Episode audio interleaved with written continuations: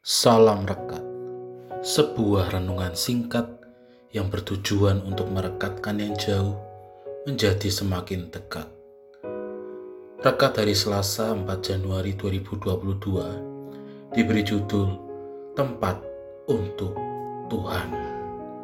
Rekat hari ini dilandasi firman Tuhan dari kisah para rasul 7 ayat 44 sampai ayat 53.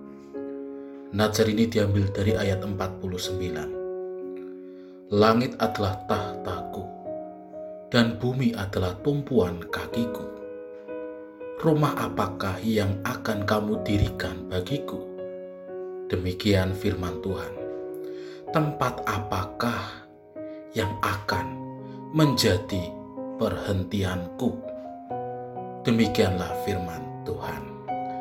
Saudara yang terkasih dalam Tuhan, sudah menjadi hal umum bagi kita sebagai orang percaya untuk mendirikan gedung gereja atau rumah ibadah bagi Tuhan.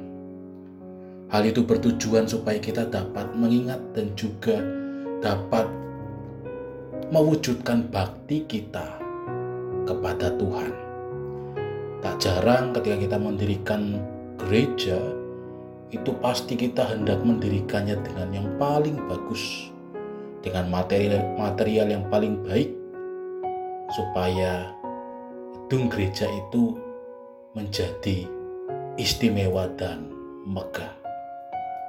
Namun pertanyaannya adalah, semegah atau seistimewa apa pun gedung gereja itu, apakah itu juga sejalan dengan bagaimana kita berbakti kepada Tuhan? Apakah dengan kita mendirikan gedung gereja yang bagus, iman kita pun dapat terus bertumbuh di dalamnya? Firman Tuhan saat ini juga menceritakan tentang bagaimana konsep rumah bagi Tuhan di dalam kisah para rasul ini merupakan kesaksian atau pembelaan dari Stefanus kepada orang-orang Israel pada waktu itu, di mana ia mengingatkan umat Israel di mana bait Allah yang didirikan oleh Daud dan diwujudkan oleh Salomo.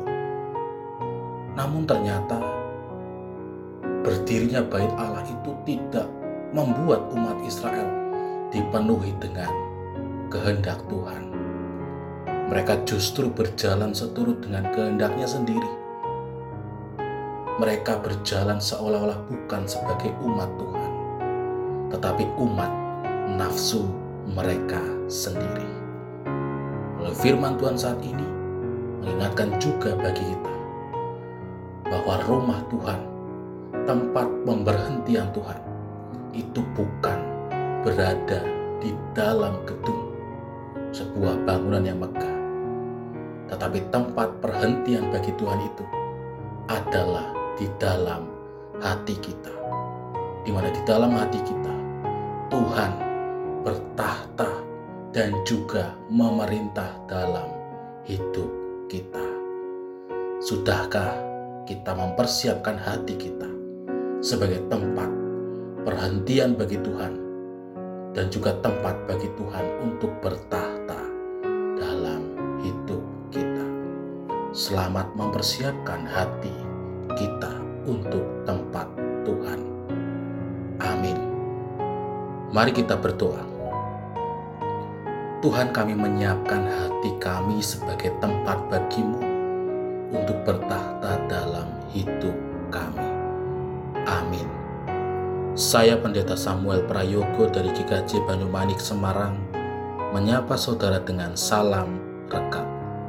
Sebuah renungan singkat yang bertujuan untuk merekatkan yang jauh menjadi semakin dekat.